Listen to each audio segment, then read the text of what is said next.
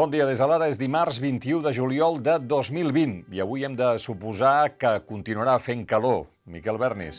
En farà més que ahir. Entrem avui en un període de 3 dies amb temperatures de les més altes que haguem tingut aquest estiu fins ara, màximes a prop dels 40 graus a Ponent. Avui els núvols seran més escassos que ahir, però a la tarda encara hi haurà algunes tempestes al Pirineu. Comencem amb una notícia d'aquesta matinada mateix, de fa molt poques hores, acord a la Unió Europea.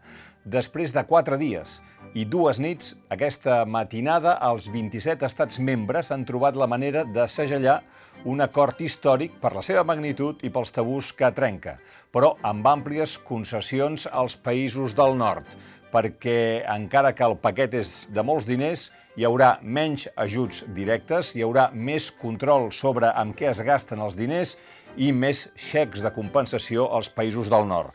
Si anem a les xifres, Espanya rebrà els tan eh, anticipats 140.000 milions d'euros, dels quals una mica més de la meitat, 72.000, seran ajudes a fons perdut.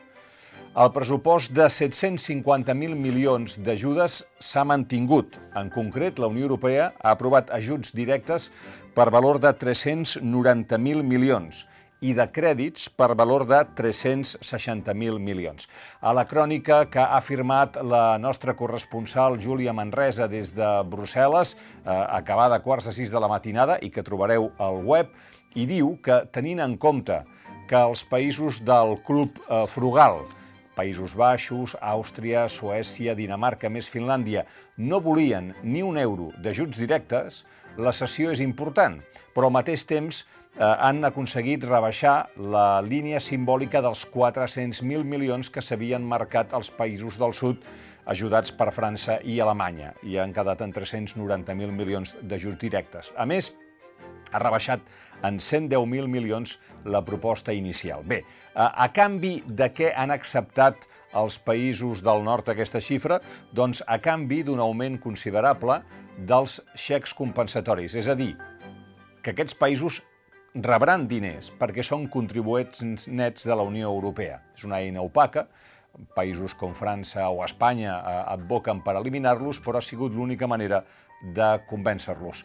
L'última proposta inclou, per ser un mecanisme de control. Si, per exemple, el govern holandès eh, qüestionés el pla d'Itàlia, el document podria quedar bloquejat durant tres mesos, malgrat haver comptat amb l'aprovació d'una majoria qualificada dels 27 eh, governs de la Unió Europea, però al cap de tres mesos entraria en vigor. Espanya és un dels països més beneficiats del fons i cal remarcar que s'obrirà la porta a una primera emissió massiva de deute europeu. Canviem de qüestió. Catalunya afronta dues setmanes clau pel control dels rebrots. El Departament de Salut ofereix des de diumenge les dades diàries dels nous contagis confirmats per proves PCR i l'evolució és clara. A Barcelona i a 13 ciutats més de l'àrea metropolitana els casos no han parat de pujar aquest juliol. En canvi, les mesures que des de fa dues setmanes s'apliquen al Segrià poden haver influït en un canvi de tendència a la comarca. I eh, remarquem també que el govern ha ampliat les restriccions a Figueres, que en un mes ha passat de no tenir positius a una mitjana de 10 contagis al dia. Mentrestant, els primers resultats en humans del prototip de la vacuna d'Oxford han mostrat que és segura i que genera una resposta immune, segons publicava ahir The Lancet.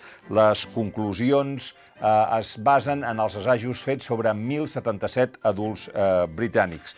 Malgrat eh, les, esper les esperançadores dades eh, que s'han difós, els eh, investigadors reconeixen que queda molt per fer abans de confirmar, diuen, si la nostra vacuna ajudarà a gestionar la pandèmia. Però aquests primers resultats són prometedors perquè aquesta mena de vacunes es poden fabricar a gran escala.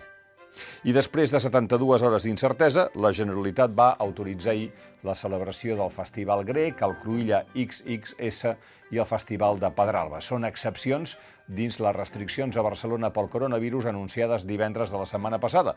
El permís del govern ha arribat després d'un cap de setmana insòlid, perquè tot i que no hi havia una autorització formal, els festivals i les sales de teatre i de concerts van estar funcionant tant dissabte com diumenge sota l'empara de l'Ajuntament.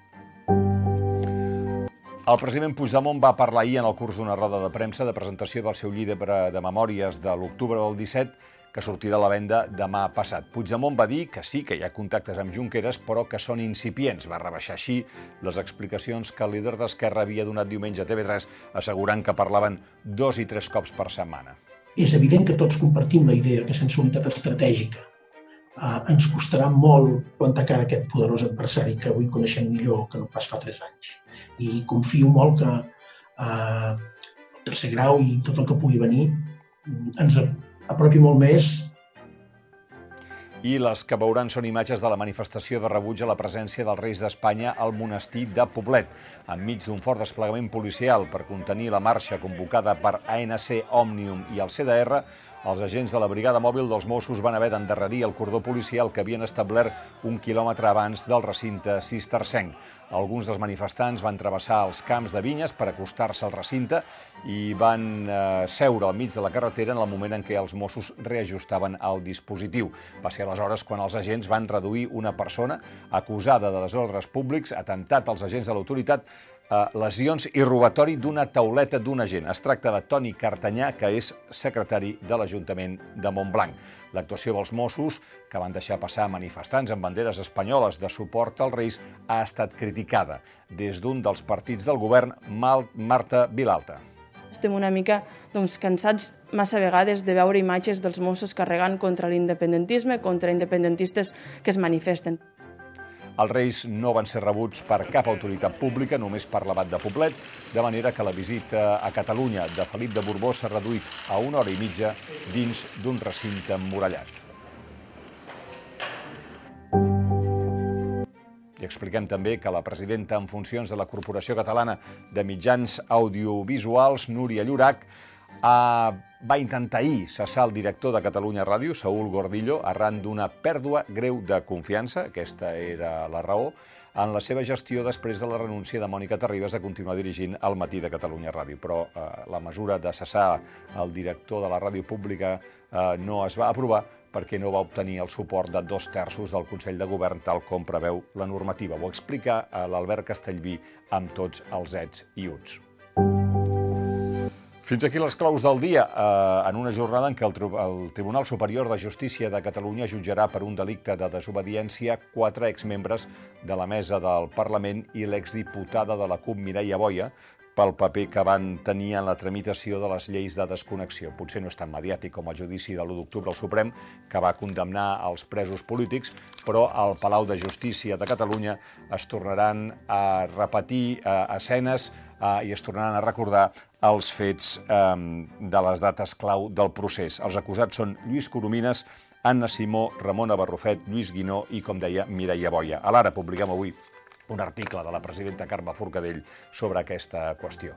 Fins aquí les claus del dia. Tornem d'aquí uns minuts amb l'anàlisi de l'actualitat.